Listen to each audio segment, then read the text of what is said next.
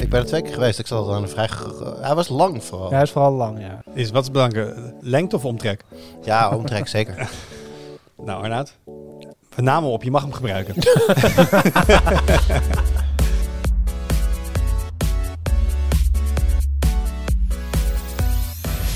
Hoi, leuk dat je luistert. Welkom bij een nieuwe aflevering van de Tweakers Podcast. Mijn naam is Wout en vandaag zit ik in de podcast met Stefan Vegelien, Hoi. met Juriaan Ubachs Hallo. en met Arnoud Wokken. Hoi. En ehm, ja, ik zal ik gewoon, zullen we het gewoon eerlijk doen? Zullen we het gewoon eerlijk doen? beginnen al meteen met de remix hier. Dat, dat, Arnoud gewoon, dat Arnoud gewoon soms wat voorbereidt voor hè, wat we dan doen qua vragen. En dan ook zo'n suggestie voor een introotje. Laat de man zelf gewoon lezen. Gaat Arnoud het introotje oplezen? Ja, en geef me even het papier, want hij heeft hij zelf niet bij zich. Ik vind het leuk voor de afwisseling. Arnoud gaat het introotje doen. Ja, doe maar. Er was eens een techgigant die graag een groot datacenter in de Nederlandse polder wilde bouwen. Iedereen zei ja, tot de gemeenteraad van de gemeente waar het moest komen aan toe. En toch gaat het voorlopig niet door. Natuurlijk gaat het over de komst van Meta, voorheen Facebook, naar Zeewolde. Maar voor het zover is, Wout, de highlights. En En jij mag... Wout, wat heb jij meegenomen? Ja, maar eerst wil ik even zeggen, je hebt duidelijk dat Arnoud kinderen heeft. Want hij kan heel goed voorlezen en verhaaltjes je. vertellen. Ja. Ehm, maar inderdaad, natuurlijk eerst de highlights. Ja, ga ik hem dan beginnen of is dat heel gek? ja, nee, nu trekken we deze lijn door ook. Ga helemaal beginnen. doortrekken. Nou ja, eh, ik heb een highlight. En dat is een uitspraak van het, eh, het gerechtshof van, eh, van Leeuwarden. Ehm, want er was namelijk een, een zaak aangespannen. Het ging om iemand die had een, een elektrische auto bij een laadpaal staan. Ehm, en er is een soort ongeschreven regel als elektrische autorijder bij je laadpaal. Je laat je auto niet te lang daar staan. Dat is niet helemaal tof als hij vol is. Nou, ik zie hier een soort van geanticipeerd kijk hier. Nou, ik heb, hier, ik, heb over dit soort dingen eh, ook wel gesprekken met vrienden die dan of, of al elektrische auto hebben of eh, eh, het overwegen.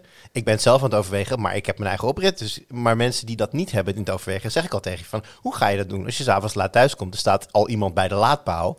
En dan denk ik altijd bij mezelf, no way dat diegene daar weggaat als hij vol is. Want die auto als, is ergens gedurende de avond vol en diegene ligt dan misschien te slapen. Dus die pakt lekker de volgende ochtend die auto weer. Dus ik had zoiets van, ik heb dit ook allemaal gelezen en ik dacht, dit is volslagen belachelijk. Dat is dus het, het, het probleem. Wat heeft het, het gerechtshof heeft gezegd? Ehm, nou, dat je eigenlijk binnen twee uur weg moet bij een openbare laadpaal. En aan de ene kant de gedachte... Ik vind het goed dat dit op tafel ligt. Want dit, soms kunnen mensen met een heel klein accu'tje, ook met zo'n excuushybride... die moeten dan een half uur laden of zo. excuushybride. Ja, Zodat je gewoon altijd een parkeerplek in de buurt hebt. Want die laadpaalplekken zijn Maar vaak op een gegeven moment had je nog die, die, die Mitsubishi Outlander. Die kon dan volgens mij eh, 10 kilometer op de accu rijden. Maar je kreeg wel al je bijtelling, korting en dat soort dingen. Ah, ja, en zo. ja, Die ging ja, heel ja, ja. zakelijk Nederland te rijden. Dus op zich, hè, het, het kan zeker voorkomen dat mensen bij zo'n paal zitten... s ochtends om 10 uur en dan denken van... eh, ik ga op de fiets verder. En dat is best wel bij de hand. Want zo van die palen hebben we niet. Ehm, maar ja, er zitten zoveel haken en ogen aan. Want nou, bij sommige auto's heb je netjes een appje... en dan kun je zien hoe ver die met laden is. Bij sommige ook gewoon helemaal niet. Dus dan moet je om de zoveel tijd teruglopen naar je auto om te checken wat er dan op het scherm staat en, en hoe ver je bent. Ja, volgens mij was, was de uitspraak niet dat eh, als je hem neerzet, dan krijg je als het goed is een, een indicatie van hoe lang het zou moeten duren. Dat zou je krijgen bij de paal. Ik heb geen idee of dat waar is, maar dat stond daarbij. En op basis daarvan zou je dus voor jezelf een, een planning moeten kunnen maken van, nou ja, als paal zegt dat je over twee uur vol bent, dan ben je over twee uur vol. Dus dan moet je zorgen dat je over twee uur daar bent om je auto weg te halen. Dat is een beetje de, de, gedachtegang van de uitspraak volgens mij. Nou, het voor mij moet de resterende tijd staat vaak op het scherm, eh, schermpje in je auto. Maar wat bijvoorbeeld ook wel eens gebeurt, als je een paal deelt, er zit op één groep. Dus als jij in je eentje daar staat, dan heb je een bepaalde resterende tijd. Ehm, als er iemand bij komt, Duurt twee keer zo lang. dat duurt twee keer zo lang. Want dan ga je, dan ga je de, de stroomvoorziening delen. Dus dan Ja. kom je teruglopen en dan ben je nog veel te vroeg en zo. Dus het, het is een heel praktisch probleem. En ik weet ook even niet, ik denk dat de oplossing ergens technologie is. De oplossing is gewoon veel meer een palen. Toch? Dat is eigenlijk de oplossing. Ja, Ja, dat is een deel van de oplossing. Maar Nee, maar het, je, feit gaat, dat, je gaat dat- nooit voor elke auto die... Kijk, als je op een gegeven moment eruit, vanuit gaat dat ergens op termijn elke auto een EV is... Ja. ehm, niet elke parkeerplaats in een stad gaat een paal krijgen, toch? Of moeten we daar gewoon maar op, op gaan mikken? Nou, het, eh, als dat zou kunnen, waarom niet? Alleen dan moet je wel af van de beperking dat je daar met een, met een, met een auto op, op dinosap ook mag staan. ja. Want dat mag, dat mag nu natuurlijk niet met een benzineauto op een, op een, op een plaats met een paal. Maar als- Soms wel en soms niet trouwens. nou ja, precies. Maar dan moet je die omslag ook wel maken. Dat zolang we benzineauto's hebben, eh, als we zoveel mogelijk plekken gaan voorzien van, van la- laadmogelijkheden, dan worden het dus universele plekken waar je met beide soorten auto's mag staan. Maar dat is dan ook minder erg als alle plekken die, die voorzieningen hebben. Maar het probleem ontstaat nu toch vooral omdat er gewoon het, veel meer mensen een elektrische auto hebben dan dat die palen er zijn. Dat is zeker dus, dus wat er gaat gebeuren is, er gaan veel meer palen komen, want je hebt heel veel, veel Ja, meer dat- vraag. dat zeg en dan lost het probleem zichzelf op. Dat Nee? zeg je vrij makkelijk. Maar ik weet van in, in ieder geval één gemeente eh, dat ze best wel moeilijk doen als je daar als bewoner in een wijk waar je geen eigen oprit hebt, eh, een paal aanvraagt. Want ze zeggen, ja, je hebt, in, dan zeggen ze bijvoorbeeld, je hebt in een straal van 250 meter om je huis heen, heb je er al één. Ja, dat is dus één voor al die mensen binnen die straal. Nou, als je dan genoeg andere huishoudens verzamelt en je doet samen een aanvraag, heb je kans dat je er tussendoor komt, maar dan heb je er twee binnen diezelfde straal. Het is niet dat gemeenten zeggen van, hey, jij hebt een elektrische auto, top, goed gedaan, wij gaan je helpen met die paal. Oh, nee, zeker niet. Het is de, deze gemeente. Dus ik weet niet, misschien dat jou, misschien dat eh, your Nee, nee, dat- vary, dat- maar... Dat is, dat is denk ik absoluut waar. Want eh, gemeentes lopen altijd achter de feiten aan. En in dit geval zal dat niet anders zijn. Maar het is natuurlijk wel zo dat zodra er meer ruimte komt voor commerciële partijen om palen neer te zetten, dan wordt het ook interessanter als er een groter aanbod aan auto's is. Dat, er is gewoon een noodzaak die zichzelf creëert. En nu heb je een soort van tijdelijke oplossing in de vorm van deze wetgeving, maar die, die is over tien jaar achterhaald, hoop ik. Dat, dat, Dat zou wel heel fijn zijn. Maar ik, Maar in de tussentijd is deze uitspraak natuurlijk nog steeds volslagen belachelijk. Ja. Stel je, voor, stel je bijvoorbeeld, je gaat eh, eh, ergens later deze maand, of beg- begint volgens mij het festivalseizoen weer met Digital. Digital is een, is een, is een festival, dat speelt zich af in Amsterdam-Noord. Daar kan je natuurlijk met de auto naartoe, daar heb je laadpalen. Een festival kan je niet af en het is- binnen is binnen, als je eruit gaat ben je eruit. Dus als je met je auto naar het festival gaat, en dit is een hele specifieke use case waar je best een oplossing kan, kan voor kan bedenken. Maar als je toch bij die paal staat en je gaat het festival op, dan ben jij niet binnen twee uur terug bij je auto in principe. Dus dit is zo raar. Het is zo, dit- Of denk ook aan iets wat wordt ook gestimuleerd, een park and ride. Dat je zegt, ik zet mijn auto bij de park and ride, zet ik hem daar aan, eh, zet ik hem aan de paal. Dan ga ik nog een stuk met het OV verder. Dan ga ik een stad in of zo, dan ga ik daar dingen ja, doen. dan staat je auto ook gewoon de hele dag daar. En Ja. dan moet je terug naar de park and ride om een stekker eruit te halen. Ik, ja, ik zie echt gewoon een gouden business opportunity hier. Valet parking. ik wilde Gewoon- serieus net zeggen, valet parking. Nee, maar echt. gewoon, gewoon een valet-app van, voor iemand die gewoon jouw auto na twee uur bij die paal weghaalt en hem bij een andere paal neerzet. Dat is toch gewoon Nee, op een Of- andere plek op neerzetten. een want andere plek bij een andere paal. Dit is dat wel weer helemaal de gig is. economy inderdaad. Ja, ik, ik, z- eh, ik zou zeggen van degene die nu luistert en eh, denkt ik eh, wil een paar miljoen verd- verdienen. eh, dit is je manier. Ja, zeker, zeker de wat grotere organisaties, eh, de Q-parks van deze wereld. Ja. ja. waarom zou je dat niet doen? En misschien niet de hele garage, want zeg, de benzineauto's Als heb je natuurlijk. studenten eh, Maar gewoon, gewoon een bepaalde vloer voor elektrische auto's, waar je gewoon een, een, een hele batterij aan palen hebt, maar ook een hele batterij aan niet-palen. En dat je gewoon medewerkers die auto's heen en weer laat rijden.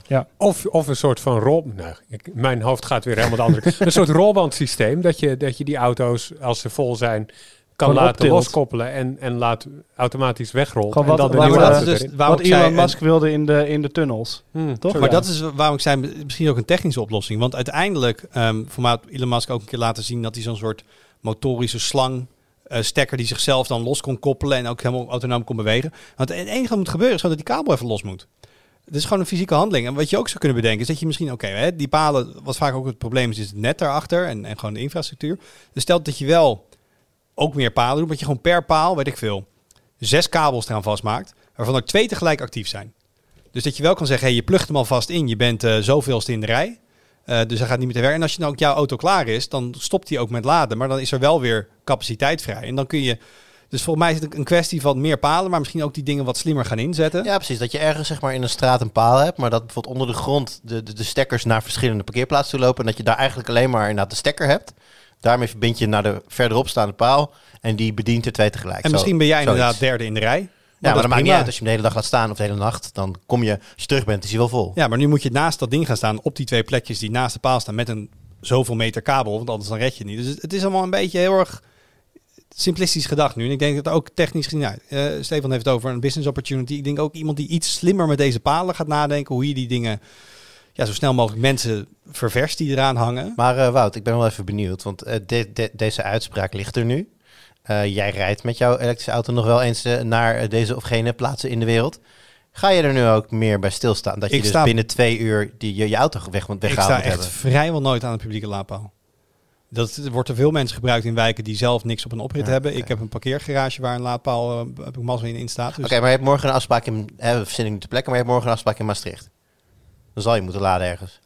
Of, of, eh, of stop je dan eerst ergens bij een Tesla Charger, zodat je niet... dan zou je denk ik misschien een supercharger pakken. En vaak als je ergens heen gaat, heb je toch een afspraak. hè, Als het voor werkers of zo, dan ga je eh, bij een ander bedrijf. En hebben zij het misschien op hun privéterrein staan. Of je gaat misschien Nou naar een hotel. En dan heeft de hotel heeft zijn eigen lader. Dus Ja. zeg maar, laden in wijken is toch in de praktijk echt iets wat, wat, wat mensen doen die eh, daar wonen, maar niet een eigen oprit hebben. Dus daarom zie je ook vaak het ontstaan van, van een soort van appgroepen. Als dan mensen opeens zien dat er een nieuwe auto bij de lader staat, gaat er een een briefje onder eruit van hoi. Geef even je nummer, dan kun je in de appgroep erbij, want dan kunnen we elkaar berichtjes gaan sturen wanneer onze auto's klaar zijn. Dan ga je een beetje wisselen en dat soort dingen. Echt, Eh, dit, is een ding? Ik weet, het was ook bij ons in ons pand in Amsterdam Noord was het ook. Dat we best wel weinig palen in Ik de wil, ik wil dus vanaf nu bordjes bij alle wijken waar staat... wij hebben een WhatsApp-groep, weet je, zo'n buurtwatch WhatsApp-groep... en dan een paaltje eronder, wij hebben een laadgroep. Laat. Het was gewoon bij ons pand in Amsterdam Noord. Toen gingen de mensen, toen hadden we twee laders of zo, meer mensen met zo'n auto. En die gingen dan, inderdaad, gingen mensen eventjes vanaf de werkplek naar beneden loskoppelen, wegzetten, kon de ander erheen. Ja, moet je een beetje solidair zijn met elkaar. Dus in ieder geval, maar dat, dat was mijn highlight. Dat ik denk, ja, ehm, ik snap het ergens wel. Het is ook irritant als je dat nodig hebt en iemand staat er niet te laden. Maar Ja, ik ben het met je eens. Wat, wat dit vooral zegt is, er is een gebrek aan een oplossing. Er moet een, en dan gaan we maar boetes uitdelen. En precies, dus het, het werkt nu niet goed genoeg en dus moet je een beetje solidair zijn. Als je dat niet doet, krijg je een boete. Maar dit moet gewoon met techniek opgelost Maar worden. iemand moet inderdaad de, Slim de, zijn. De, de Uber van de valet parking bedenken, zoals Stefan het zegt. Dat zijn allemaal van die elektrische fietsjes, dat ze dan rond gaan crossen. Van die deelscootertjes. En dan eh, gewoon autootjes verplaatsen. Maar hoe hebben, ze, hoe hebben ze dan jouw sleutels gekregen? Nou, dat is allemaal digitaal tegenwoordig, Dat is allemaal, di- allemaal Ah, ja. dikke ton. Oké. Kun je gewoon een appje installeren en Ja. zo. Nou, Ja. dus ik zie dat totaal niet dat er daar een probleem in zit qua autodiefstal. Nee, helemaal Ja, niet. dus als ik volgende week niet meer in de podcast zit, dan heb ik een carrière switch gemaakt. Dan ga ik dit, eh, dit uitwerken. Eh, Stefan, wat is jouw highlight? Ja, ik heb een persoonlijke highlight meegenomen, namelijk fysiek een highlight meegenomen. Eh, ik heb sinds gisteren de, de Steam Deck. Voor de mensen die voor op de mensen YouTube eh, luisteren. Ja, dit is het moment dat je terug doet naar het tapje van Ja, YouTube en even moet kijken. Ja, precies. Ik heb dus inderdaad de Steam Deck. Ehm, eh, ik heb hem een paar weken geleden in mijn hand gehad eh, bij de, de test eh, eh, van maanden van- alweer paar maanden alweer. Ja, februari Weet denk ik. ik. Ja, Ja, februari. Toen mocht ik hem even in mijn hand hebben en nu eh, had ik de kans om er ook een te kopen. En, eh, Maar hoe zit dat tegenwoordig met die verkrijgbaarheid? Is het nog steeds niet met pre-orders en ja, lotingen? En Precies. De verkrijgbaarheid is nog steeds best wel ruk. Dus eigenlijk was ik in oktober aan de beurt. Maar ehm, eh, toevallig ken ik wat mensen die in de tech zitten en die, die, die, die zelf eh, eh, een, eh, een persoonlijke, ehm, hoe heet dat, persoonlijke pre-order hadden gedaan en, en daarvan afzagen. Maar die, Die is nou, overdraagbaar, zeg maar. ja, precies, die is overdraagbaar. Dus die persoon heeft hem gewoon voor mij besteld en eh, Nice. ehm, op mijn eh, adres laten Ja, en ik neem, ik neem nu Stefans periode over, zo gaan die dingen. Precies, zo gaan die dingen inderdaad. En ik heb hem dus zelf gekocht. Ehm, eh, ik ben er heel blij mee. Ik heb hem echt sinds gisteren, dus het is nog helemaal nieuw. En De honeymoon phase. beetje wel. Maar kijk, maar mijn vraag wat is ik- wel, waarom heb je ik- niet naar ik Jur dus- Mag geluisterd? ik heel even kijken tussendoor? Even, je, mag hem, je mag hem even Ik kijken. vind het wel apart, want ik, ik kan herinneren dat Jur er best wel kritisch over was. Ja, daar maar wil dat ik was ook ik even, ook daar wil ik ook even kijken. Ja, Kijk, wat het voor mij was, ik was gewoon heel erg bang dat heel veel games niet echt speelbaar zouden zijn. Dus dat die niet goed zouden werken, omdat ze eigenlijk gemaakt zijn voor de PC. En bijvoorbeeld eh muis-input nodig hebben of zo voor menus of wat dan ook. Het valt me op dat best wel veel games het toch wel redelijk goed doen. Niet alle games doen het goed. Eh, en ik speel ook eigenlijk niet zoveel hele nieuwe AAA-titels, dus dat helpt ook wel mee. Ik speel niet echt veel shooters, maar ik speel veel platformers en die doen het goed. Indie games doen het over het algemeen goed. Maar ook eh, games als eh, Ready or Not, daar hebben we een tijdje geleden ook een, review over gehad. Of een soort van preview, halve review, omdat die nog niet uit is.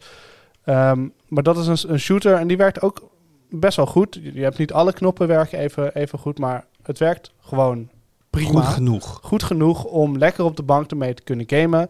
eh, om in de trein ermee te kunnen gamen. En wat heel erg tof vind is, en dat had ik me nog niet eens heel erg beseft toen ik zei dat ik deze wel wilde aanschaffen, is dat er gewoon Linux onder zit. En dat je in principe gewoon alle software die je op een Linux computer staat draaien, die kun je er ook gewoon op draaien.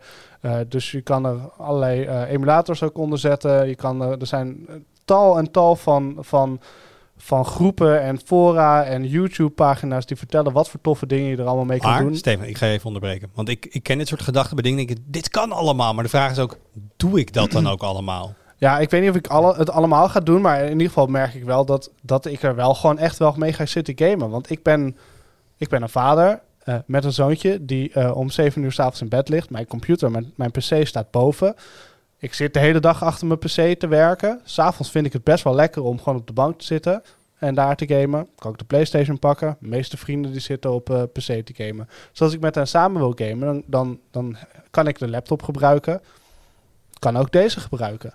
En die laptop die, eh, eh, die verdwijnt op een gegeven moment eh, weer. Die moet ik namelijk gewoon weer inleveren als ik hier wegga. en dus dan kan ik niet meer, niet meer thuis gamen. En dit is eigenlijk mijn vervanger voor mijn, voor mijn thuis laptop. Die ik zo meteen niet meer heb. En ehm, eh, ja, ik, ik vind het... Ik weet niet. Het is inderdaad de honeymoon phase. En er gaat vast nog een moment komen dat er superveel frustratie is. Maar ten opzichte van de, van de, de review die jij hebt gedaan eh, hier... Het valt mij echt op dat heel veel games die ik speel... gewoon het veel beter doen dan ik had gedacht. En ehm, eh, dat, dat vind ik echt wel leuk, eigenlijk. Nee, dat Ah, wat, ik, wat ik jammer vind, en dat is nog steeds zo, Ja. ze zetten stapjes. Maar ik zat net in je library te kijken en je hebt bijna 150 titels. En Ja. 31 daarvan zijn er aangemaakt, aangemerkt als eh, iets van, hoe heet dat, dat subminuutje? Die Great, on, sowieso, great ja. on Steam Deck of iets dergelijks. Precies, ja, dat Nou, is wel dan waar. heb dus, dus, die, dus die werken allemaal optimaal. 31 van de 143 Vijf, of zo, weet ik veel. Ehm, dan heb je nog een aantal waar een vraagteken bij staat. Dus die doen het waarschijnlijk wel, maar daar zouden haken en ogen ook. Maar dan zie ik bijvoorbeeld de, de, de Batman Arkham games doen het niet. Waarom dat niet? snap ik niet. Geen ja, idee. inderdaad. Maar dat, Eh, dat, heeft Assassin's Creed Brotherhood doet het niet. ja, dat Eh, heeft ermee te maken met dat die natuurlijk in een externe... eh, die werken allemaal via Ja, dat EA soort- Play of Precies, dat soort dingen heb je. Die haken en ogen. Alles met een online component kun je of het online component niet spelen, of het werkt gewoon sowieso niet. Dingen als DayZ, want ze kunnen de, de, de anti-cheat software kunnen zij niet, niet runnen op dat ding. Dus er zitten voor, voor, dat was ook een beetje het punt van de, van de review toen al. Ik vond het een, een tof apparaat. Ik heb Ja. er echt fijn mee gespeeld. Maar het, het hoofd, de hoofdgedachte daarbij was een beetje voor een mainstream publiek, voor een wat meer mainstream. Kijk, voor de tweaker die gamet, is het een fantastisch apparaat. Zeker ook wat jij zegt, met Linux kun je er van alles aan, aan, aan lopen klooien. Dat is, dat, dat is helemaal heerlijk. Maar voor de gamer, de wat mainstream gamer die gewoon een werkend apparaat wil en een zo groot mogelijk deel van zijn Steam library wil kunnen spelen op dat ding. Ja, vind ik hem gewoon niet ideaal. En, Nee, eh, daar ben ik het wel mee eens hoor. En eh, het is ook inderdaad eh, meer, het is echt persoonlijk. Dat ik echt het idee heb van, voor mij valt het me op dat heel veel games die ik leuk vind, dat die goed speelbaar zijn. En dat zijn veel platformers, dat zijn veel indie titels, dat zijn veel ja, wat kleinere games. En zelfs de games waarvan ik dacht, nou, die zouden nog wel eens een beetje brak kunnen zijn. Die werken ook wel prima eigenlijk. En eh, terwijl je krijgt dan Nee, een waarschuwing het, dat het er valt of bijvoorbeeld staat bij welk game je speelt. ja, en ik krijg inderdaad een waarschuwing van, ja, deze game is eigenlijk, heeft eigenlijk een muisinput, dus het kan zijn dat je een muis in beeld ziet. Nou, dat is dan het ergste wat er gebeurt. Maar inderdaad, ik heb nog geen online games gespeeld, maar ik ben ook niet zo'n online gamer. Maar je Nee. moet wel eventjes naar denken. We zaten net aan de lunchtafel over de, de honeymoon phase. En daar vertelde hij hier over dat hij twee geweldige maanden heeft gekend met zijn Quest 2. Eh, ja. Die daarna ehm, niet meer uit de doos is gekomen volgens mij, zei. Ja, ik, eh, op een gegeven moment, eh, ik ben natuurlijk verhuisd hè, in de tussentijd. Dus had ik een mooi kantoor met een vrij grote open ruimte. Ik denk, oh mooi, ga ik hier mijn quest neerleggen. En die heb ik zo daar neergelegd op, eh, op een randje van ergens bij mijn bureau in de buurt. Met de controllers ernaast en zo. Af en toe, af en toe even opgeladen ook. Voor, voor de zekerheid, want straks, want straks wil ik hem gebruiken. In case of emergency, use Quest. Ja, Maar dat straks is nog, daar ben ik nog op aan het wachten. Dat komt nog, denk ik. Oh ja. Het zijn inmiddels bijna negen maanden sinds, sinds mijn verhuizing. Dus eh, ja, nee, het, eh, het, eh, ik wil niet zeggen dat het een misco. Het is, het is zo vervelend, want ik vind het echt oprecht een leuk ding. Het is gewoon alles wat ik... Het is makkelijk, ze kunnen leuke dingen mee doen. Maar op de een of andere manier triggert het te weinig om het te gaan doen. Ja. Ja, ik, ben, ik ga voor mezelf een reminder denk ik in mijn agenda zetten over twee maanden. Dat ik Stefan een berichtje stuur. En dat ik gewoon even wil weten hoe staat het na twee maanden met je Steam Deck gebruik. ja, ik zal over twee maanden gewoon wel een, eh, een soort van mini-review op Twitter zetten ook. Ja, ik ben echt wel benieuwd. Want ik, ik heb bijvoorbeeld destijds ook een Quest 1 gekocht. Je kan een user review maken trouwens, hè, voor de leukheid. Oh, dat is ook wel een goed idee. Misschien moet ik dat maar doen. Ja, dat zien we graag. maar ik heb die eerste quest ook gekocht. En ja, echt gewoon in het begin heel veel gebruikt, dagelijks. En op een gegeven moment dan gaat het uit je systeem en dan... Ja, maar het is Ja. ook wel zo dat een VR is, is echt gewoon wel weer een hele inspanning. Hè? Dus, en, en, en kijk, wat ik heel erg chill vind, en dat is iets wat, waarvan ik niet wist of het goed zou werken, is, is de, dat ik hem gewoon de, de quick on en off. Dus dat ik hem gewoon even uitzet in een game, dat ik hem weer aanzet, dat ik weer verder kan. Ik denk dat dat echt hetgeen is waardoor ik terug blijf komen. Ja, Eh, eh, waar, ik- waardoor ik niet terug blijf komen is de batterijduur. Want, eh, want hij staat geloof ik op 2 tot 8 uur. Meer dan 2 uur hou je er echt niet mee. Ehm, moet je een, een hele, hele, hele grote powerbank ja, ik, kopen. heb, ik, denk niet, ik denk niet dat ik sessies van twee uur überhaupt Nee, achter veel, elkaar veel heb langer gedaan. dan dat ga je achter elkaar. Dat, dat is gewoon, dan is Nee. je gewoon op. Maar dat is ook wel een beetje de momenten dat ik handheld aan het gamen ben in blokken van meer dan twee uur Ja, achter elkaar. Zijn er niet zo gek Nee, dat is waar. Je hebt eerder last, van, eerder last van je handen doordat je dat ding vast hebt. Dan Ja, maar dat ook, je het last is- hebt van. ik, eh, ik, game uiteraard eh, vaker eh, lange stukken achter elkaar. eh, Ja. ook, ook als ik niet aan het werk ben. Maar dat, dat zijn momenten dat ik wil gamen. En dan ga ik heel bewust achter mijn game PC zitten. Of ik zet heel bewust mijn PlayStation of Xbox aan. Ja. Dit is meer voor. eh, ik hè, het, weet ik veel, vriendin is nog aan het koken. We gaan bijna eten. Ik heb de tafel al gedekt. Wat zal ik de komende 10 minuten nog even gaan doen? Nou, dan als dan de Steam Deck daar ligt, dan is Dan dat kun je wel. kiezen, ik ga doomscrollen op Twitter. Ik ga eindeloos dingen doen op Instagram. Of gewoon eventjes onder Steam Deck Oh erbij. ja, mijn me- ik moet mijn mening geven op Twitter. Dat is waar ook. Ja, dat moet gebeuren. Nou goed, maar ik vond het in ieder geval heel erg leuk om te kunnen meenemen. Nee, En, eh, eh, ik wil er zo meteen ook nog heel eventjes aan zitten. Want dat hebben we nog niet genoeg gedaan Ja. toen we de review sample binnen hadden. En nogmaals, we, we spreken elkaar over twee maanden. Helemaal goed. Arnoud. Ja, ik eh, wou het hebben over een eh, nieuwsartikel wat eh, volgens mij inmiddels bijna 300 reacties heeft opgeleverd. Dus het houdt, het houdt de mensen bezig. gemoederen bezig. Ja, en daar had ik niet verwacht. Eh, en ik vond het zelf ook wel een, een heel opvallend onderwerp. Dus ik wilde ook even peilen of jullie er ervaring Wat een lange intro, jongen, jongen. Maakt het Ja, wel spannend ik, ik, dit. ba- ik bouw het een beetje op, en merk je dat? Hypemaster eh Wokken, oké. Eh, de- het gaat over gelijk oversteken. Dat is een functie die eh, al bijna vijf jaar lang op Marktplaats Oh ja. te, Ah. te, te, te, te activeren was. gebruikt. Het idee is dus dat je op het moment dat je iets koopt, dat je zeker wil weten dat je het ook krijgt van de verkoper. Dus dan kan je gelijk oversteken doen. Dan maak je het over naar een, een derde geldenrekening. Dus van Het iemand eh, anders. escrow-dienst. Ik wil, Ja. ik wil het net, net vragen, inderdaad. Is dat wat je in Amerika escrow noemt? Ja. Mhm. ja. En dan eh, die houden het geld vast totdat jij het pakketje hebt ontvangen en dan maak je het geld over. En dat kost dan wat? Best wel wat. 4,5% van de transactiewaarde. Dus dat is niet niks. Ja, maar op, op, op, op, op- als het een serieus bedrag is, dan wordt het natuurlijk relatief dat bedrag ook hoger. Maar dan is het ook meer de moeite waard om die zekerheid te hebben. de verzekering, ja. Ja. En, eh, en eh, die dienst eh, is gestopt. Zonder vooraankondiging, gewoon. Het stond ineens op de site, zo van, dit doen we niet meer. Iemand tipte ons daarover, meerdere mensen zelfs. Maar zonder vooraan, ook zonder uitleg? Nee, wel met uitleg. Eh, en er staat bij, we werken aan een, aan een alternatief, een nieuwe dienst. En die biedt wat meer. Ehm, wat meer zekerheden, vooral voor kopers. Want nu eh, maakt het niet uit wat er in het pakketje zit. Zolang er een pakketje bij je is afgeleverd, krijgt de verkoper zijn geld. Ook al bestel je een, of, of koop je op Marktplaats een Steam Deck en, en dan pak je het uit en dan baksteen. Zit er een zit er een baksteen. Precies, zit er een Switch in. De, het is alleen de doos van de Steam Deck. Of zoiets. Eh, dan krijgt de verkoper zijn geld alsnog. En eh, daar, daar willen ze wat meer zekerheden voor hebben. Dus daar, ze, ze bouwen aan iets nieuws. Maar in de tussentijd hebben ze dus gelijk oversteken wel al offline gehaald. Je kan het niet meer doen. Ehm, en eh, ik- ja, ik heb er ook vaak naar gekeken op Marktplaats. Ik heb het nooit gebruikt. Ik ook niet. Wat, Maar wat, voor, wat voor reacties kwamen hierop dan, op het artikel?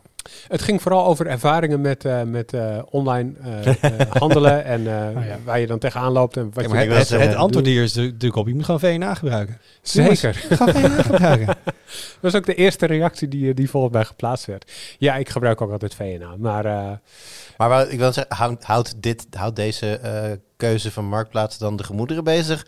Of is het nu gewoon een soort van tweede algemene ervaringen topic met online zaken doen eh, geworden? ja, het is ook wel zeg maar, eh, het idee van, wat je stelt een soort vertrouwen in een vreemde en gelijk oversteken, die, haalt dat een, die haalde dat een beetje eh, weg. Dat je, Ja. dat je niet blind hoeft te vertrouwen.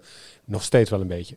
Ehm, en ik denk dat dat het meer is. Zo van het idee dat je iemand die je niet kent gaat vertrouwen met je, met je geld of hoe je dat ook wil uitdrukken. Ik denk dat dat is wat mensen triggerde hierbij. Hm. Ehm, Het grappige erbij is dat ik wel op, mooi. op VNA heb ik er eigenlijk ehm, weinig problemen mee. Ben ik heel goed van vertrouwen. Dus dan kan ik altijd ook iemand zijn geschiedenis zien en dat soort dingen. Even serieus, wie gaat de hoofdredacteur van Tweakers op Tweakers nou oplichten? Ja, ik, misschien ben ik een klein beetje privileged hier. Ehm, maar dit is wat ik vaak op VNA doe. Als iemand gewoon zegt van... ik betaal soms terwijl het opgestuurd wordt. Nou, dat bij best vaak eigenlijk. Vind Mhm. ik op VNA geen probleem. Marktplaats, heel no. Dat zou ik echt Nee. nooit doen. Marktplaats doe ik altijd in een, in een zeg maar, in, de, in de buurt gewoon. En gewoon kom maar langs of ik kom bij jou langs. Ja. En dan wil ik het eerst checken. En dan of dan handje contantje of ter plekke dan een tikkie. Dat iemand je gewoon wat stuurt. Ehm, dus ik heb het, ook die, die dienst nooit gebruikt. Want als, ik het, ja, als, ik, als het een beetje van waarde is, wil ik het gewoon zien. Hoe doe jij dat, Stefan? Want, ja, eh, op, op Marktplaats koop ik ook inderdaad niks dat ik eh, online eh, naar me toe laat sturen. Dat gaat allemaal gewoon, ik ga gewoon met iemand langs. Dat is de enige manier waarop ik Marktplaats vertrouw. En bij vraag en aanbod is dat heel anders, want daar vind ik dat geen enkel probleem om een game te laten opsturen of wat hardware of wat dan ook. Ik heb een tijdje geleden een beeldscherm gekocht voor mijn zusje. Geen probleem om dat gewoon te laten opsturen. Ja. eens. Maar ik ik ben weet, ik ze ik weet niet wat dat dan is. Of, dat, of het gewoon is dat VNA gewoon zoveel meer vertrouwen wekt. Of, of dat het is dat Marktplaats gewoon zoveel oplichters heeft of zo. Maar die oplichters hebben wij toch ook wel, ergens? Maar het fijne bij ons is, is dat je gewoon iedereen heeft gewoon een, een goed uitgebreid profiel op de site. Ja, dat is waar. dus eh, ik, ik kijk naar posthistorie, ik kijk naar registratiedatum, ik kijk naar eerdere VNA-ratings. Ik, ik heb het idee dat ik gewoon echt een goed beeld van iemand kan krijgen. Dat is wel waar. Eh en op Marktplaats heb natuurlijk ook wel ratings van iemand die is al zoveel jaar lid. En dan denk ik, nou, dat helpt ook wel een beetje.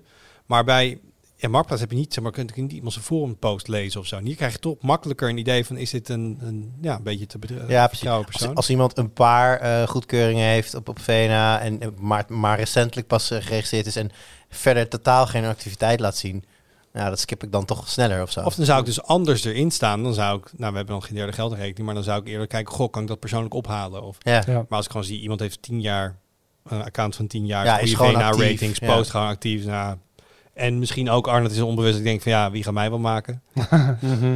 Ik denk dat het vooral andersom is. Ik denk als ze van jou een aanbod krijgen dat ze niet zo snel verwachten dat ze worden opgelicht. Dat ze ook wel wat makkelijker... eh, ik kom daar wel lastig mee. Dat is, ja, of gewoon keihard negeren. Gewoon dat is gewoon niet waar. Het zou echt raar zijn als wij ineens straks hier op kantoor gebeld worden door iemand die klaagt dat hij op, opgelicht is door Wout. Ja, dat maar als zou je iets raar verkoopt, zijn. Wout, zou jij iemand laten thuiskomen bij jou? Om het op te Eh, halen? ja. Ja.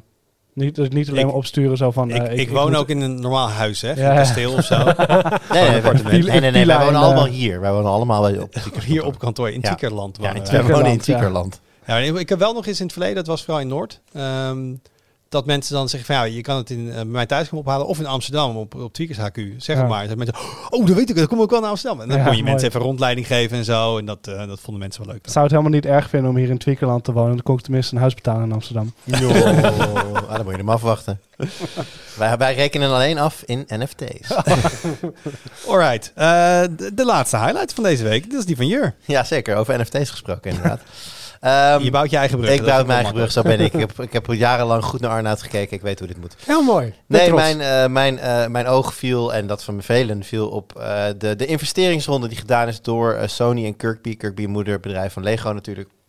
Ehm, bij Epic Games. En dan met name gericht op eh, een slash de metaverse die Epic dan wil gaan bouwen. Ze hebben er natuurlijk al één in de vorm van Fortnite. Fortnite. Fortnite is zijn eigen metaverse. Ja. Of dat dan onderdeel wordt hiervan, of ernaast blijven staan, weet allemaal niemand. En dat is ook eigenlijk een beetje waar ik naartoe wil. Want er ontstaat nu een soort van wapenwedloop op het gebied van metaverses. Hè. Eh, Meta zelf, hè, Facebook's moederbedrijf, doet zijn eigen ding eh, met Horizon Huppelpup. World. Horizon. Worlds. Ja, die, zijn- die zijn daar lekker mee bezig. Eh, Microsoft heeft natuurlijk Activision, Activision Blizzard voor een belangrijk deel ook overgenomen voor de meerwaarde die hun bedrijfsonderdelen kunnen bieden voor metaverses. Dus daar wordt enorm in geïnvesteerd. Nu gaan gigantische bedragen in om.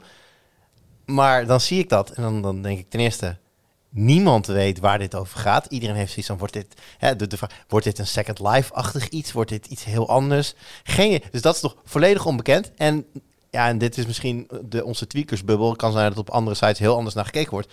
Maar in mijn ogen is de, de publieke opinie zo kritisch en negatief... dat ik echt denk van... Waar, zit, waar gaat dit uiteindelijk goed voor zijn? Nou heb ik ooit een brand- krantartikel gelezen dat voorspelde dat eh, het internet een vrij snelle eh, dood zou gaan eh, sterven, omdat dat niets voorstelde en nooit iets kon gaan worden. Dus laten we nieuwe technologie niet te vroeg Mark af- this day, Ja, 13 precies. april maar 2022. ik, zie- ik zie inderdaad, en ook als je dan in de reacties onder dat nieuwsartikel gaat, gaat kijken, hè, dan hebben de mensen het inderdaad over van, haha, zal je zien dat je straks elk Lego-blokje apart moet afrekenen en dat is dan een NFT en die kan je weer doorverkopen. En nou, dat- maar. het wordt, het wordt, er wordt de draak mee gestoken en begrijpelijk, want het is heel, eh, het is totaal nog niet concreet. Het is heel, heel abstract, heel, heel troebel wat nou precies de metaverse of een metaverse gaat doen of hoe ze met elkaar gaan praten. Ja, ik verwonder me daar gewoon over. Daarom heb ik het hier ook neergezet. Het is niet dat ik nu een, een, een allesomvattende punt achter dit relaas kan gaan zetten. Ma- maar mag ik een, eh, een suggestie doen voor een nieuw eh, begrip? Een concept? Misschien wel eentje voor de vandalen?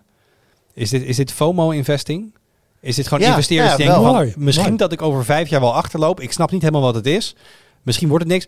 Maar ik wil er vroeg bij zijn. Dus Ja. we gooien er gewoon geld het is, tegenaan. natuurlijk, het is in die zin FOMO-investing. Tegelijkertijd is het natuurlijk Sony dat instapt bij Epic. Sony en Epic werken natuurlijk eh, op andere vlakken al meer samen. hè. Eh, Epic eh, heeft een aantal van Sony's eigen games exclusief in hun PC-store staan. De, de games die al gepoord zijn. Dus die weten elkaar sowieso goed te vinden. En die bundelen nu eigenlijk een beetje hun portemonnees eh, om ja, toch een beetje tegen Microsoft in te gaan. Microsoft die natuurlijk een eh, agressief, eh, nou niet begonnen is, maar een ag- agressieve slag heeft geslagen in deze wapenwetloop.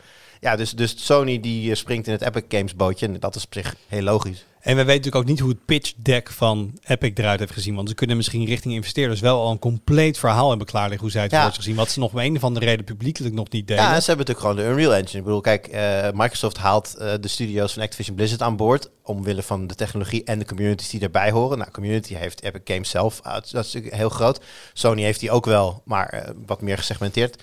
Eh, maar die kunnen elkaar enorm versterken natuurlijk. Want Sony heeft wel eh, alles wat PlayStation is. Eh, daar doen natuurlijk al heel veel samen. Ook wat betreft Unreal Engine en dat soort dingen. Dus dat er een soort van strategische kampjes aan het ontstaan zijn. En Microsoft, die, ja, die partnert niet, maar die koopt gewoon alles. En ja, aan de andere kant wordt wat meer samengewerkt. Dat is natuurlijk niet heel verwonderlijk. Ik ben heel benieuwd waar het toe gaat leiden. Kijk, ik vind het heel vervelend dat ik niet weet wat het gaat worden, wat het gaat zijn. Misschien gaat het. Want eh, een van de dingen die eh, de CEO van Sony ook zei, is ehm, inzetten op nieuwe digitale mogelijkheden voor sportfans. Dus het is niet, helemaal niet gezegd dat het alleen maar een online wereld zal zijn waarin je gaat gamen. ben, of ben jij een sportfan? ik ben wel lichtelijk een sportfan. nee, maar ik ben bijvoorbeeld heel benieuwd. Je had er een van de eerste, nou, we hadden het net over VR. Een van de eerste dingetjes die je volgens mij met de, met de eerste Oculus kon doen, was dat je op een honkbalveld stond, veld stond, vlak achter de catcher geloof ik of zo. En dan kon je een beetje zo, nou, een beetje rondkijken en dan, stond, dan was je erbij. En dat was dan in, wat was de, wat was, dat, wat was de, hoeveel pixels zaten er? 42p of zo. Ja, was dat, eh. 42p inderdaad, dat stelde niet veel voor. Maar ik weet dat bijvoorbeeld ook in de muziekindustrie heel erg gekeken wordt naar hoe kunnen we mensen die thuis zitten meer betrekken bij festivals. Door bijvoorbeeld, nou, dan koop je een premium pakketje online voor een paar tientjes en dan mag je, hè, dus dan staat, heb jij toegang tot een camera in de DJ-boot die live uitkijkt over op dat moment dansende, dus niet een opname, maar gewoon live hè, op Tomorrowland of wat dan ook. Je kunt hier heel veel kanten mee op. En dat kun je ook metaverse noemen. Want het gaat, al, het gaat allemaal om online leven eigenlijk. Dus hè, wij, leven ons eigen universum en online heb je je metaverse. Dus ja, er zitten heel veel eh, interessante kanten aan, maar kom nou eens met die kanten. Laat me nou eens zien wat jullie nou echt gaan maken en waarom Sony het nodig vindt om een miljard dollar daarin te steken. En ja, wat je op dat moment dan met elkaar voor ogen hebt. Weet je wat jij misschien moet doen, Jur? Jij moet denk ik even die Quest 2 van je afstoffen. En je moet het Horizon World eens gaan proberen. Dan kun je in ieder geval de meta-versie van de meta-versies van binnen gaan bekijken. Ja, ik heb wel zeg maar zonder de VR-bril op, op te zetten al wat beelden gezien van, van Horizon Worlds. Ik, dat is, Nee, maar je moet als het- dit het is, Je moet het ervaren. Varen. als dit het is, is dit het en we zullen het wel zien. mooi, mooi. Oké.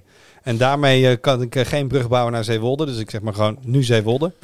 Ehm Stefan, niet iedereen die zal dit onderwerp vanaf het begin gevolgd hebben. Want dit kun je ook scharen onder dit is een techverhaal. Maar ook gewoon zeggen dit is eh, Politiek. gemeentepolitiek. En het is het ook allebei. Ehm, maar waarom wil eh, Meta eh, van de Metaverse, moederbedrijf van, van Facebook... nou zo graag een datacentrum in Zeewolde? Om die awesome metaverse op te hosten natuurlijk. Oké, nou, dit Nou, was de dat klinkt- podcast deze week. dat, dat klinkt als een eh, gek antwoord, maar heel gek is dat antwoord niet.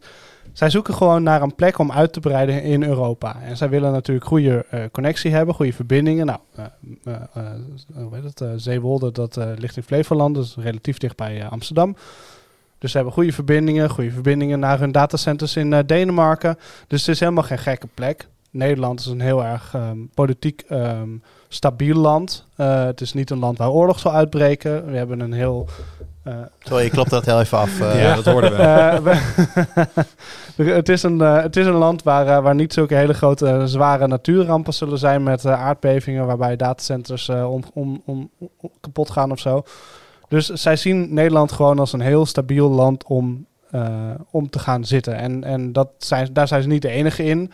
Ehm, eh, Microsoft zit hier ook en Google zit hier ook. En, Zit ehm, die ook allemaal in diezelfde regio Flevoland? Of waar zitten dit is het gewoon in Nederland, maar Nederland is relatief klein. Je kan Nederland, dat is zeg maar voor datacenterbegrippen is dat gewoon één plek. of eigenlijk zeg maar. ja. maar en, en dat heeft ook wel te maken met hoe onze, onze digitale infrastructuur eruit ziet, ziet. We hebben gewoon hele goede con- eh, connectiviteit. Dus dat is een beetje het antwoord waarom zij hier willen zitten. En waarom, en- en en de waarom wil, wil Zeewolde dit? Nou, de andere kant van het verhaal is inderdaad dat er een aantal jaren al actief eh, geworven wordt om, om grote bedrijven naar Nederland te krijgen. Een van die bedrijven was inderdaad toen Facebook, nu Meta. Eh, de Nederlandse overheid die heeft daarvoor een, een, eh, ja, eigenlijk een soort van agentschap die dat allemaal regelt. Die gaat gewoon naar, naar Silicon Valley en laten zien wat, wat fantastisch Nederland is. Nou, in een vroeg stadium heeft, ehm, heeft de provincie Flevoland al aangegeven dat ze heel graag hooggeschoold personeel eh, in, in de regio willen hebben. Dat willen ze al sinds dat Flevoland bestaat. Want het hele probleem met Flevoland al heel erg lang is dat eh, mensen daar 's ochtends naar weggaan en s'avonds weer terugkomen. Omdat er heel erg veel werkgelegenheid in de Randstad is. En dit is een beetje een aanhangsel van de Randstad, sorry. Ehm, No offense taken. Oké. Tot nu toe allemaal feitelijk. Ehm, en en dus, dus er wordt al heel lang nagedacht van hoe gaan we nou die, die bedrijven hierheen krijgen? Wat, wat kunnen we nou doen? Nou, er is heel veel ruimte in, eh, in, in, eh, in Flevoland. Nou, dus het is super geschikt voor een heel groot datacenter. Die ruimte is wel voor een heel belangrijk deel eigendom van boeren, maar dat is waar, is maar ruimte. boeren zijn relatief makkelijk uit te kopen in deze periode met stikstof, ellende en weet ik wat allemaal. Dus het, is, dus, dus het is een soort van win-win voor heel veel partijen. En daarom eh, heeft de gemeente op een gegeven moment een heel groot stuk grond gekocht. Waar ik toevallig van het weekend voor het eerst langs gereden ben. Dat was wel heel erg grappig. Dat ik, dat ik al een jaar naar een plaatje van een grasveld zit te kijken. En dat ik nu ineens dacht, hey, nee, dit is het grasveld. Dit is het, Dit is het goede grasveld. Maar je, je was toevallig in de buurt of? Ja, ik, ik moest omrijden en toen kwam ik daar langs en toen, toen zag ik het en ik dacht, wauw, dit is het. En mevrouw zegt echt zo, dit is gewoon een weiland, waar heb je dit godsnaam over? Sorry, zijpad. Maar nee, maar dat is, dat is inderdaad, ehm, eh, de gemeente heeft op een gegeven moment gewoon een heel groot deel van die grond gekocht en gedacht, nou, we gaan, we gaan eens kijken of we hier een, eh, het bedrijventerrein dat ernaast zit kunnen uitbreiden. En daar is een hele grote partij aan gehaakt en dat was Facebook, Meta. Dus het is werkgelegenheid ook voor de, voor de gemeente. Dat is denk ik, ja. Nou, dat is een van de kritiekpunten. Dat de werkgelegenheid. ehm, dat is wel een van de verkooppunten geweest. Maar het is natuurlijk maar de vraag hoeveel mensen er daadwerkelijk in een datacenter gaan werken. En ook hoeveel mensen uit de regio in dat datacenter gaan werken. Of dat er niet gewoon allemaal experts naar Nederland worden gehaald om dat datacenter te runnen. En dat, zijn, dat is inderdaad een beetje de, een, een belangrijk kritiekpunt. Van ja, eh, wat heeft de eh, provincie, wat heeft de gemeente er nou eigenlijk aan? Een van de verkooppunten is geweest die, die werkgelegenheid. En eh, ja, het blijft dat, een gaat beetje... dat gaat eigenlijk alleen op als het laaggeschoold werk. Als, als veel mensen het zouden kunnen doen, dan kun je zeggen, oké, je kan mensen uit de omgeving pakken. Maar als het enigszins gespecialiseerd werk is, ja, wie weet, die mensen Maar we hebben in Nederland se- ontzettend veel gespecialiseerd. eh Ja, maar die wonen niet per se in. Flevoland. Of ze moeten daarheen gaan verhuizen dus. Ja, Ja, ja, klopt. Dat, is, dat klopt. En het blijft ook een beetje in het midden wat nou uiteindelijk daar het antwoord voor is. En hoeveel mensen zouden daar komen te werken als het door zou gaan? Eh, ik weet het niet meer helemaal uit mijn hoofd, maar ik geloof dat het ging om, eh, nou, niet superveel. Het was, eh, nee, ik weet het echt niet meer. Volgens Paar honderd of een paar honderd, duizend? 700 volgens mij maximaal. En dat is iedereen met elkaar. En, en, oh, eh, dus ook de, de, degene die het bouwen en de... Nee, nee, volgens mij dat niet. Maar wel zeg maar alle personeel die daar verder nog nodig is. En beveiligers, weet ik. Maar in principe heb je voor een datacenter natuurlijk... Nou ja, je hebt, je hebt, een, je hebt een, een security center nodig met een aantal beveiligers. En dat is het eigenlijk wel. En misschien nog een paar eh, mensen die, eh, die wat, eh, wat kasten kunnen ombouwen. Ja. En voor de rest kun je het invliegen zodra er eh, problemen zijn. Dus, dus je hebt niet zo heel veel mensen nodig om een datacenter te runnen. En het neemt wel heel erg veel ruimte in. En dat is natuurlijk een van de kritiekpunten. ja wat, wat zijn de, de voor's en tegens?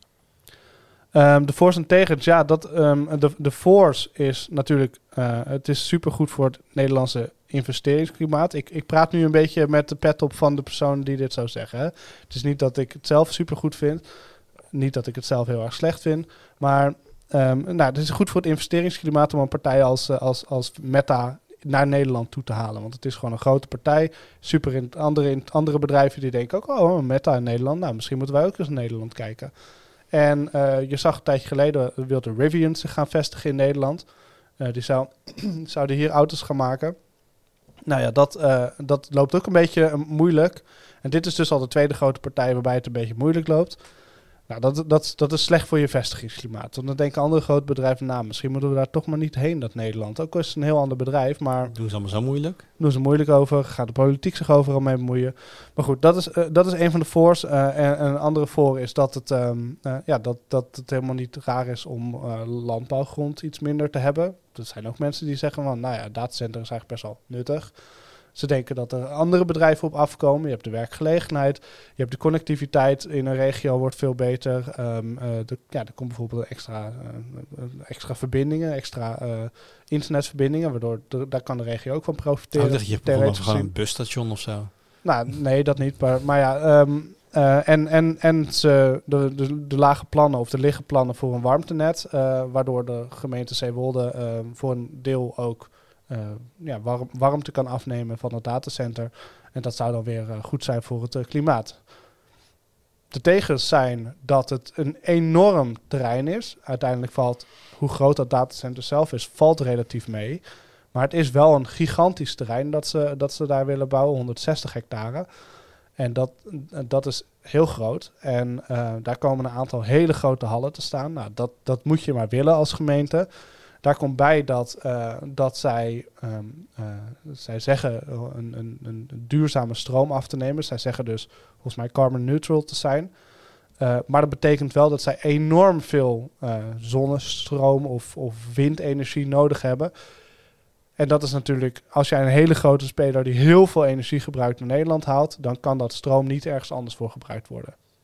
De, de, de, de tegenkant is dat wanneer je een partij die heel veel stroom nodig hebt naar Nederland huid, haalt, kan er heel veel geïnvesteerd worden in Ja. groene stroom. Maar dat, dat is een beetje, ook Beetje een glas half vol, glas half leeg. Dat is ook een discussiepunt. Ehm, dus dat zijn denk ik de belangrijkste eh, punten eh, voor de voor's en tegens. En ehm, er zijn ook heel veel mensen die zeggen van ja, eh, de, prima dat zo'n partij naar Nederland komt, maar, maar de beslissing daarover of die partij zich mag vestigen in Zeewolde zou niet bij een gemeenteraad moeten liggen. Want die gaat nou nu in principe over of die daar mag komen of niet.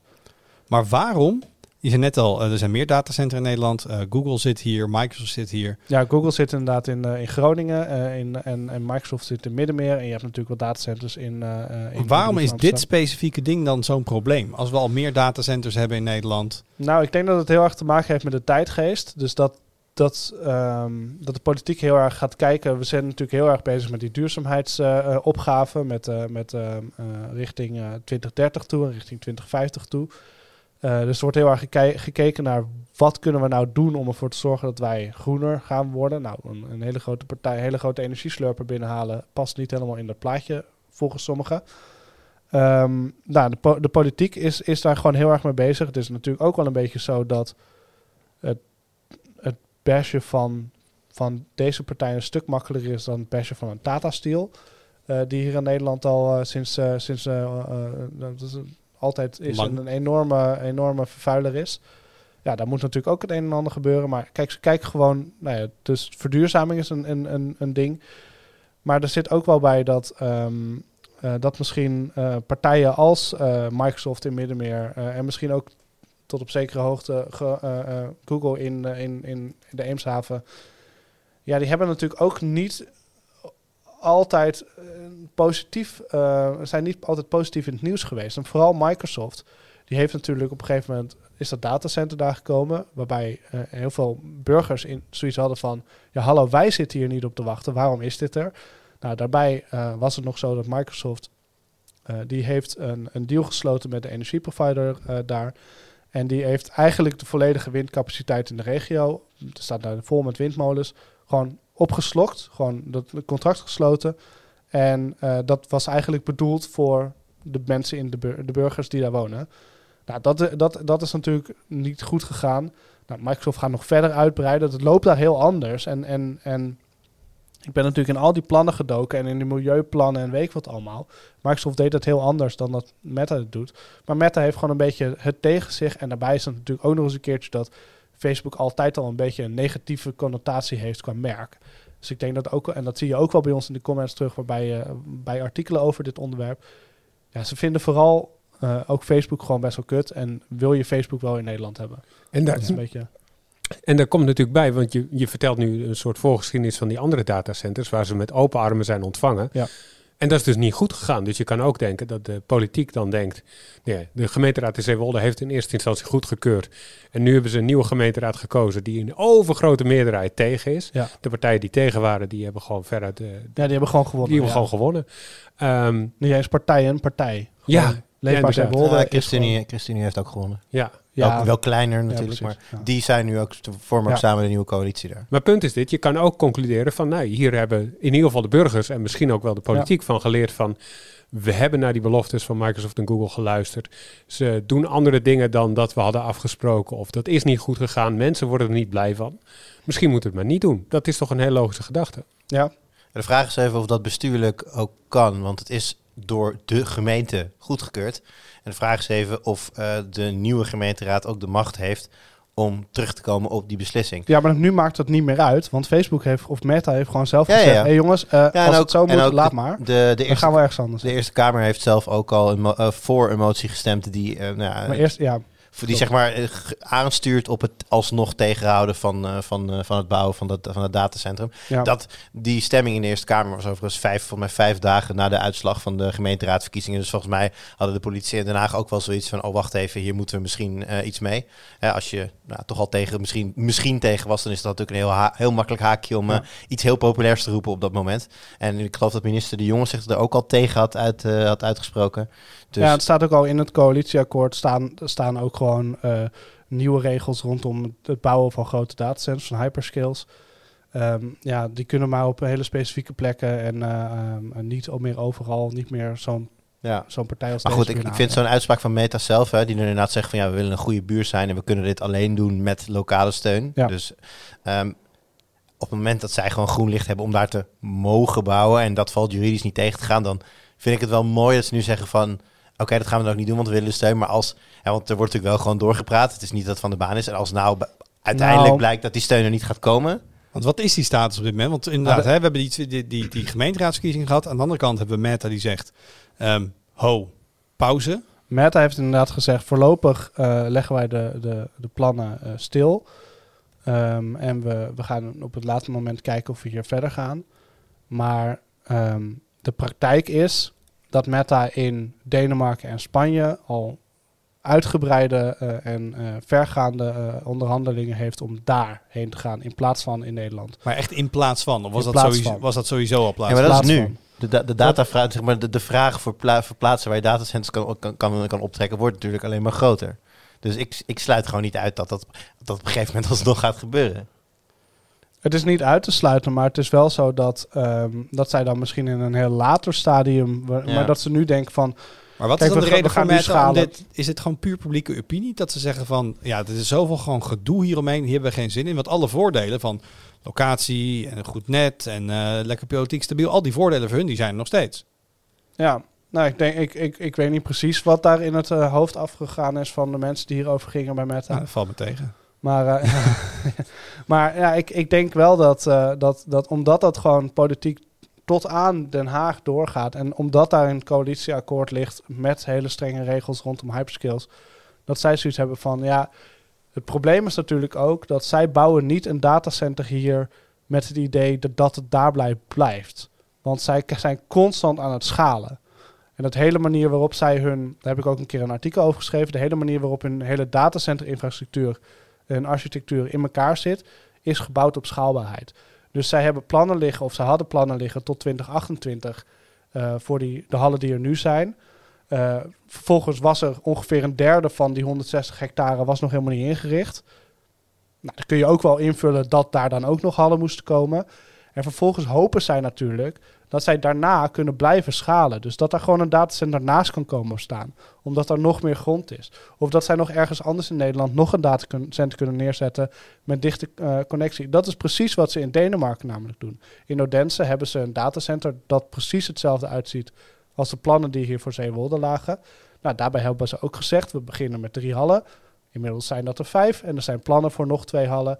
En de grond wordt gewoon opgeslokt daar door, doordat eh Meta alleen maar schaalt. En dat is wat, wat hier ook gebeurt, denk ik. En, dat, en zij, als ik, dit is pure speculatie hoor, maar wat, ik kan het me zo voorstellen dat, waar wij, dat, dat zij gewoon twintig jaar naar voren kijken en denken: oké, als wij nu een datacenter bouwen in Nederland, politiek ligt dat een beetje ingewikkeld. Dan kan het zomaar zijn dat wij in 2028, als wij willen opschalen, dat, dat er dan een regelgeving zo dichtgetimmerd is dat wij gewoon niet meer kunnen uitbreiden. En dan is die hele investering die we hebben gedaan in Zeewolde voor niks geweest, want dan moeten we alsnog ergens anders heen. Ja. Ja, dus En- Zuckerberg keek gewoon op de kaart en die dacht... Flevoland, dat kunnen we helemaal volbouwen. En nu blijkt dat niet zo is. En nu zegt hij, ja, Nou, Nou, kort op de bocht denk le- ik maar- dat het wel een mooie... Leefbaar Zeewolde wil ook de opening van Lelystad Airport tegenhouden. Dus wellicht dat we daar dan een datacenter neer Oh ja, kunnen zetten. ja, hè. precies, ja, ja. Nee, maar maar, heeft, heeft dit dan impact ook, want ze hebben het eh, in het begin over dat vestigingsklimaat. En er zijn andere bedrijven. Je zegt zelf al, eh, het nieuwe, het nieuwe kabinet is ook bezig met, met beleid hieromheen. Wordt het dan ook, is de verwachting dat het in de toekomst minder interessant wordt voor bedrijven om zich hier te vestigen, omdat het hier dus meer aan banden wordt gelegd? Nou ja, volgens mij was het anderhalf jaar geleden of zo dat Google al zei dat ze geen plannen hadden voor nieuwe datacenters in Nederland. Nou, nu hebben we dit. Uh, Microsoft die heeft nog wel plannen om flink uit te breiden in Middenmeer, maar dat is ook niet zo gek, want ze hebben gewoon die grond van een of andere, zeg maar, van een private persoon kunnen opkopen. Dus zij hebben daar helemaal niet te maken met, uh, met de gemeente en een rijksvastgoedbeheer en weet ik wat allemaal. Um, maar ja, dus het, het, het, het, kan invloed hebben op, op het vestigingsklimaat in de bredere zin. Je weet natuurlijk niet hoe het is. Het is natuurlijk allemaal koffiedik kijken. Maar ja, als een, als, een, als een grote Amerikaanse partij als Meta zich niet kan vestigen in Nederland, dan zijn er andere partijen die natuurlijk ook denken van ja, ga ik dat wel doen? Ga ik dat wel als, als een, een, Amazon of zo. Gaat Amazon hier uh, een gigantisch uh, ding neerzetten? Nee, want die hebben gewoon supergoeie banden in Duitsland. Die gaan gewoon lekker daar blijven uitbreiden. En die gaan echt niet naar Nederland toe dan. Nou, Arnaud, als ze bij jou in de gemeente een mooi groot datacentrum uh, willen neerzetten en er komt een uh, gemeenteraadsverkiezing, voor welke partij ga jij? Wat een suggestieve vraag. Nee, ik, ik, ik vind het eigenlijk een uitstekende ontwikkeling. Want die hele datacenters, ik bedoel, het levert bijna geen banen op. Zeker als je kijkt naar de ruimte die het inneemt. Hè. Het aantal banen per hectare, kan je gewoon uitrekenen, is bij datacenters super laag ten opzichte van andere vormen. Uh, dus als er bedrijven uit Amerika willen komen die, uh, die, die zeggen, nou, we hebben heel veel hogeschool personeel nodig en, en we doen iets anders dan alleen maar server racks neerzetten. Prima, kom gerust hier. En ik denk ook niet dat die heel veel weerstand zullen oproepen. Maar bedrijven als Meta en, en, en en welke techgiganten in de toekomst deze plannen zouden hebben, ja, die zullen zich wel twee keer bedenken. Maar de rest, ik denk dat het op de rest weinig invloed heeft. Maar jij denkt dat, dat ons vestigingsklimaat hier niet negatief door wordt beïnvloed? Nee, ik denk dat er dan veel meer dingen meespelen. En dat ze dan ook eerst natuurlijk gaan kijken hoe het, hoe het regelklimaat is. Dus hoe, hoe, hoe, je, hoe je wordt ontvangen en hoeveel belastingvoordeel je kan krijgen en hoe makkelijk je iets kan bouwen. Ja, dat is ook wel waar natuurlijk. Ja, en daar kijk je naar. En wat Meta dan heeft gedaan, ja, dat is wel echt een klasse apart. Want het is gewoon een techgigant die 160 hectare wil volbouwen. Er zijn maar weinig bedrijven die dat willen. Ja. Jur, jij woont toch in Flevoland? Ik woon in Flevoland. Jij hebt hier een persoonlijke steek in, bijna, op die manier. Als ze ver genoeg uitbreiden, dan kwamen ze bij jou voor de deur. Um, ja, kijk, het is niet dat het naast mijn huis ligt. Ik bedoel, dat, dat, soort, dat, soort, dat soort dingen zijn. Als je er rechtstreeks uitzicht op zou hebben vanaf je slaapkamerraam, natuurlijk wel monsterlijk lelijk om naar te kijken. Maar dat speelt niet echt, want is een bedrijventerrein. Ik vind ook dat hele verhaal van ja, dan moet je maar net een hele grote hal willen hebben in je gemeente. Ja, um, elke grote gemeente heeft hele grote hallen. En daar staan dan banken en meubels en gamma zitten daarin. Ja, die zijn ook niet allemaal mooi. Weet je wel, ik heb daar niet echt een probleem mee. Um, ik zie wel het milieupunt, maar dat, dat, dat, maakt, dat maakt niet echt verschil of het nou in, in, in, in Flevoland of, of, of in het zuidelijkste puntje van, van Limburg ligt. het milieu is het milieu. Um, dus nee, ik heb er in die zin niet, niet zoveel bezwaren tegen dat als iemand een datacenter gaat bouwen, dat ze dan in Flevoland doen of ergens anders. Als, als het binnen de regels zou vallen, heb ik er niet echt een probleem mee.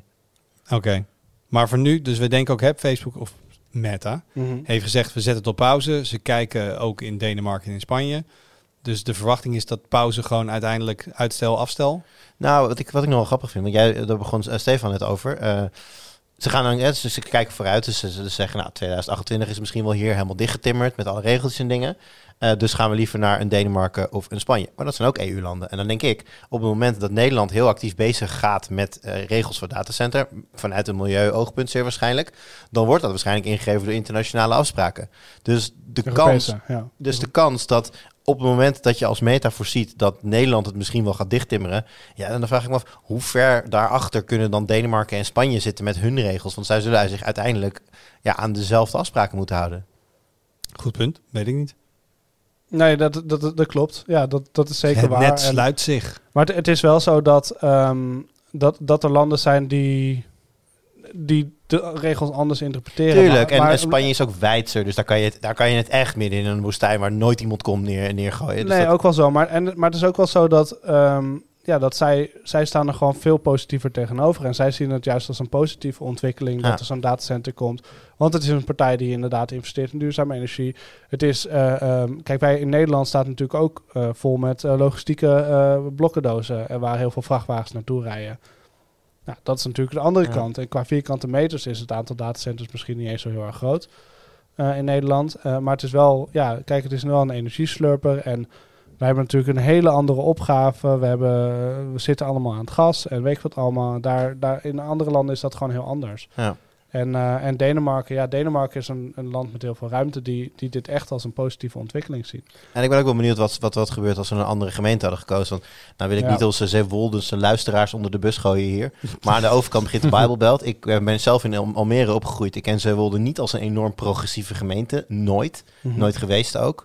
Ehm, ja, had je dit in Almere geprobeerd, dan denk ik dat je een hele goede kans had gehad dat hij er gewoon was gekomen. Nou, en dat, dat, dat geloof ik ook wel. En op een gegeven moment krijg je natuurlijk ook gewoon dat het rond gaat zingen in de publieke opinie. En er komt ook eens een gemeenteraadsverkiezing. En mensen horen, ik hoor heet over Zeewolde en een datacentrum. En Ja, Misschien is er wel wat mee. Nou, ehm, veilig, lekker veilig kiezen, doe mij maar niet, zeg maar. Ja, het is ook gewoon een soort van pech qua timing. Want door die gemeenteraadsverkiezingen is dit onderwerp natuurlijk gewoon, Ja, gewoon heel groot geworden in, in, in de landelijke discussie. En zijn allerlei landelijke politici zich tegen, tegenaan gaan bemoeien. Terwijl je wel moet bedenken dat de landelijke politici zijn geweest die in eerste instantie heel enthousiast waren over de komst Ja. van al die datacenters. En, en, en juist vanuit eh, economische zaken en binnenlandse zaken eh, geprobeerd hebben om, om die partijen naar Nederland te halen. Ja, en ook alle dingen die er nu tegen worden gezegd. Zo van, ja, wij hebben er geen vertrouwen in dat de beloofde, hè, de, de, de manier waarop zij de warmte dan terug, eh, terug de grond in stoppen en dat daar goede dingen mee kunnen gebeuren, dat dat zal gaan op de manier zoals het wordt voorgespeeld. Dat is een van de belangrijkste Ja. tegens van Leefbaar Zeewolde. Dat is puur, dat is gewoon je volledige beleid eh, baseren op Ik pure speculatie. ja. gewoon angst. Gewoon, gewoon, Ja. gewoon van, nou, we vinden het een beetje... Net, net, net wat je zegt, van, oeh, ja, toch wel een beetje eng, veel, veel over gehoord. Laten we het maar niet doen. We stemmen wel op die partij die het tegen gaat houden. Ik vind het, ik vind het echt paniekvoetbal en, en, en, en dom. Ik, nogmaals, je kunt best hele goede redenen aanvoeren waarop je überhaupt geen datacenter Ja. zou willen hebben, milieutechnisch. Maar de redenen die worden aangevoerd hier, dat is allemaal zo... Ja, laat ik, laat ik daar ook inderdaad nog één ding over zeggen. Is als je kijkt naar bijvoorbeeld eh, hoe eh, Google zich in, eh, in, ehm, eh, in Groningen gevestigd heeft. Nou, laten we zeggen dat daar vijf A4'tjes aan, aan zeg maar milieuregels aan, aan en beschrijvingen aan af vooraf gaan, zijn gegaan. Microsoft waren het eh, 100 eh, briefjes eh, met, met informatie. En dit is, nou ja, ik ben gewoon bijna een maand bezig geweest om al die milieueffectrapportages en de bouwplannen en, en alle plannen te lezen. En Zeewolde had een ongelooflijk uitgebreide website online staan met alle informatie, alle bouwtechnische dingen, weet ik wat allemaal. Al- Alles was helemaal doorgerekend. Dus ehm, je moet ze daar wel echt credit voor geven. En dan moet je Meta ook credit voor geven dat ze dat gewoon wel gedaan hebben. Transparantie, ja. Die transparantie, want het is natuurlijk niet het meest transparante bedrijf ter wereld. Maar dit hebben ze echt heel erg goed gedaan, want iedereen kon inzien wat er aan uitstoot, wat er aan eh, verbruik, alles stond gewoon daarin. En dat is heel erg goed. En er zijn maar weinig bedrijven die dat zo uitgebreid doen. En dat is nu allemaal voor Jan met de korte achternaam. Maar nou even, even nog een vraag, Stefan. Ehm, als eh, Jur op een gegeven moment zijn quest wel weer eh, van, de, van de vensterbank afhaalt en stof Ja. afblaast, heeft hij er dan nadeel van dat er geen datacentrum in Zeewolde zit van Meta, maar alleen in Spanje of Denemarken? Als in, Nee, Zijn de verbindingen want Europa is heel klein, dus de latency is relatief klein. Dus ik denk dat dat valt wel mee. Oké. Oké, gelukkig. Kun je, als het een ping gaat, kun je beter gewoon eerst, eerst weg met T-Mobile en naar een andere eh, internetboerder. Dat gaat meer doen voor mijn ping dan eh, waar, waar Facebook zijn data ja, de gebruiker gaat sowieso altijd via, weet je wel, een Amstix of zo. Dus dan maakt het zo gek voor uit. Maar we hebben, Arnold en ik hebben voor mij nu bepaald, we willen hier terug aan de quest krijgen. Dus we gaan nu elke keer... Help je, je, je hebt, je hebt voor jezelf een soort quest bepaald. Oh. Oeh, look at the time. Het is er bijna op een uur. Ik moet deze podcast gaan, eh, gaan, gaan afronden. Maar niet voordat we even kijken naar wat er op de, de site verschijnt. Ehm, dit weekend komt er een heel leuk stuk van eh, collega Daan over allerlei vormen van eh, upscaling bij games. We hadden natuurlijk heel, nou, al lang DLSS van Nvidia. AMD timmert daar flink aan de weg. En er zijn meerdere manieren om je, nou, je games er heel scherp uit te laten zien door misschien niet alle pixels te renderen. En dat is toch wel eh, fijn in deze tijd dat niet iedereen een nieuwe videokaart kan vinden en of veroorloven. Eh, er komt weer een terug in de tijd aan.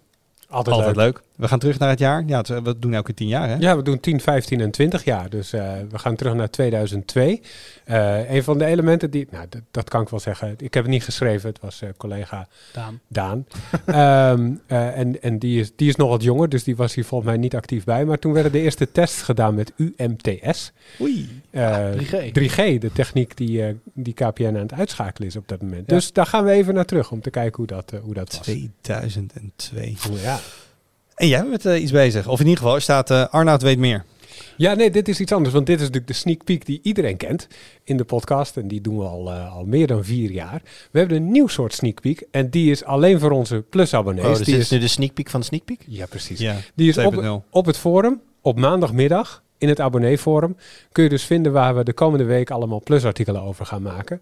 Dat, eh, dat, dat, dat gaan we doen. Dat doen we nu als experiment. Even kijken of, of dat leuk is of mensen erop zitten te wachten. Dus daar, eh, daar gaan we het over hebben met abonnees op het forum. Elke maandag. De sneak peek 2.0. Ja. Dus schuif digitaal aan. Eh, inderdaad, een beetje FOMO creëren. Ehm dan rond ik hem af. Nou, weet je wat heel jammer is? Ik heb dus nog net toen we hier aanschoven, heb ik in de sneak peek nog mijn eigen artikel neergezet. Maar jij print alles nog ouderwets uit. Oké, Jur. Jur. Jur heeft een... eh, Nee, ik wil nog even zeggen, aankomende zondag komt, eh, eh, wat later dan gehoopt, maar hij komt wel. Lego Star Wars, de Skywalker Saga, komt er nog aan. reviewtje. En het is enorm leuk als je van Star Wars houdt, maar je merkt ook wel dat het concept Lego game wel inmiddels al zo oud is dat je toch zit spelen en denkt, ja, Binder. ben er. Heb, ben- he- heb er geweest, heb er geweest, heb er de t-shirt gekocht. Oké, zondag. Zon, ja, zondag. Zondag. Voor de Lego en of Star Wars fans. Uiteraard. Dus je hebt de zondag geblokt in de agenda daarvoor. Eh, snel rondaf. Ja, gaan we doen. Dankjewel jongens. Dankjewel voor het luisteren. Dankjewel voor het kijken. Heb je feedback? Podcast.tweakers.net of een reactie op de site. Tot volgende week. Doei. Doei.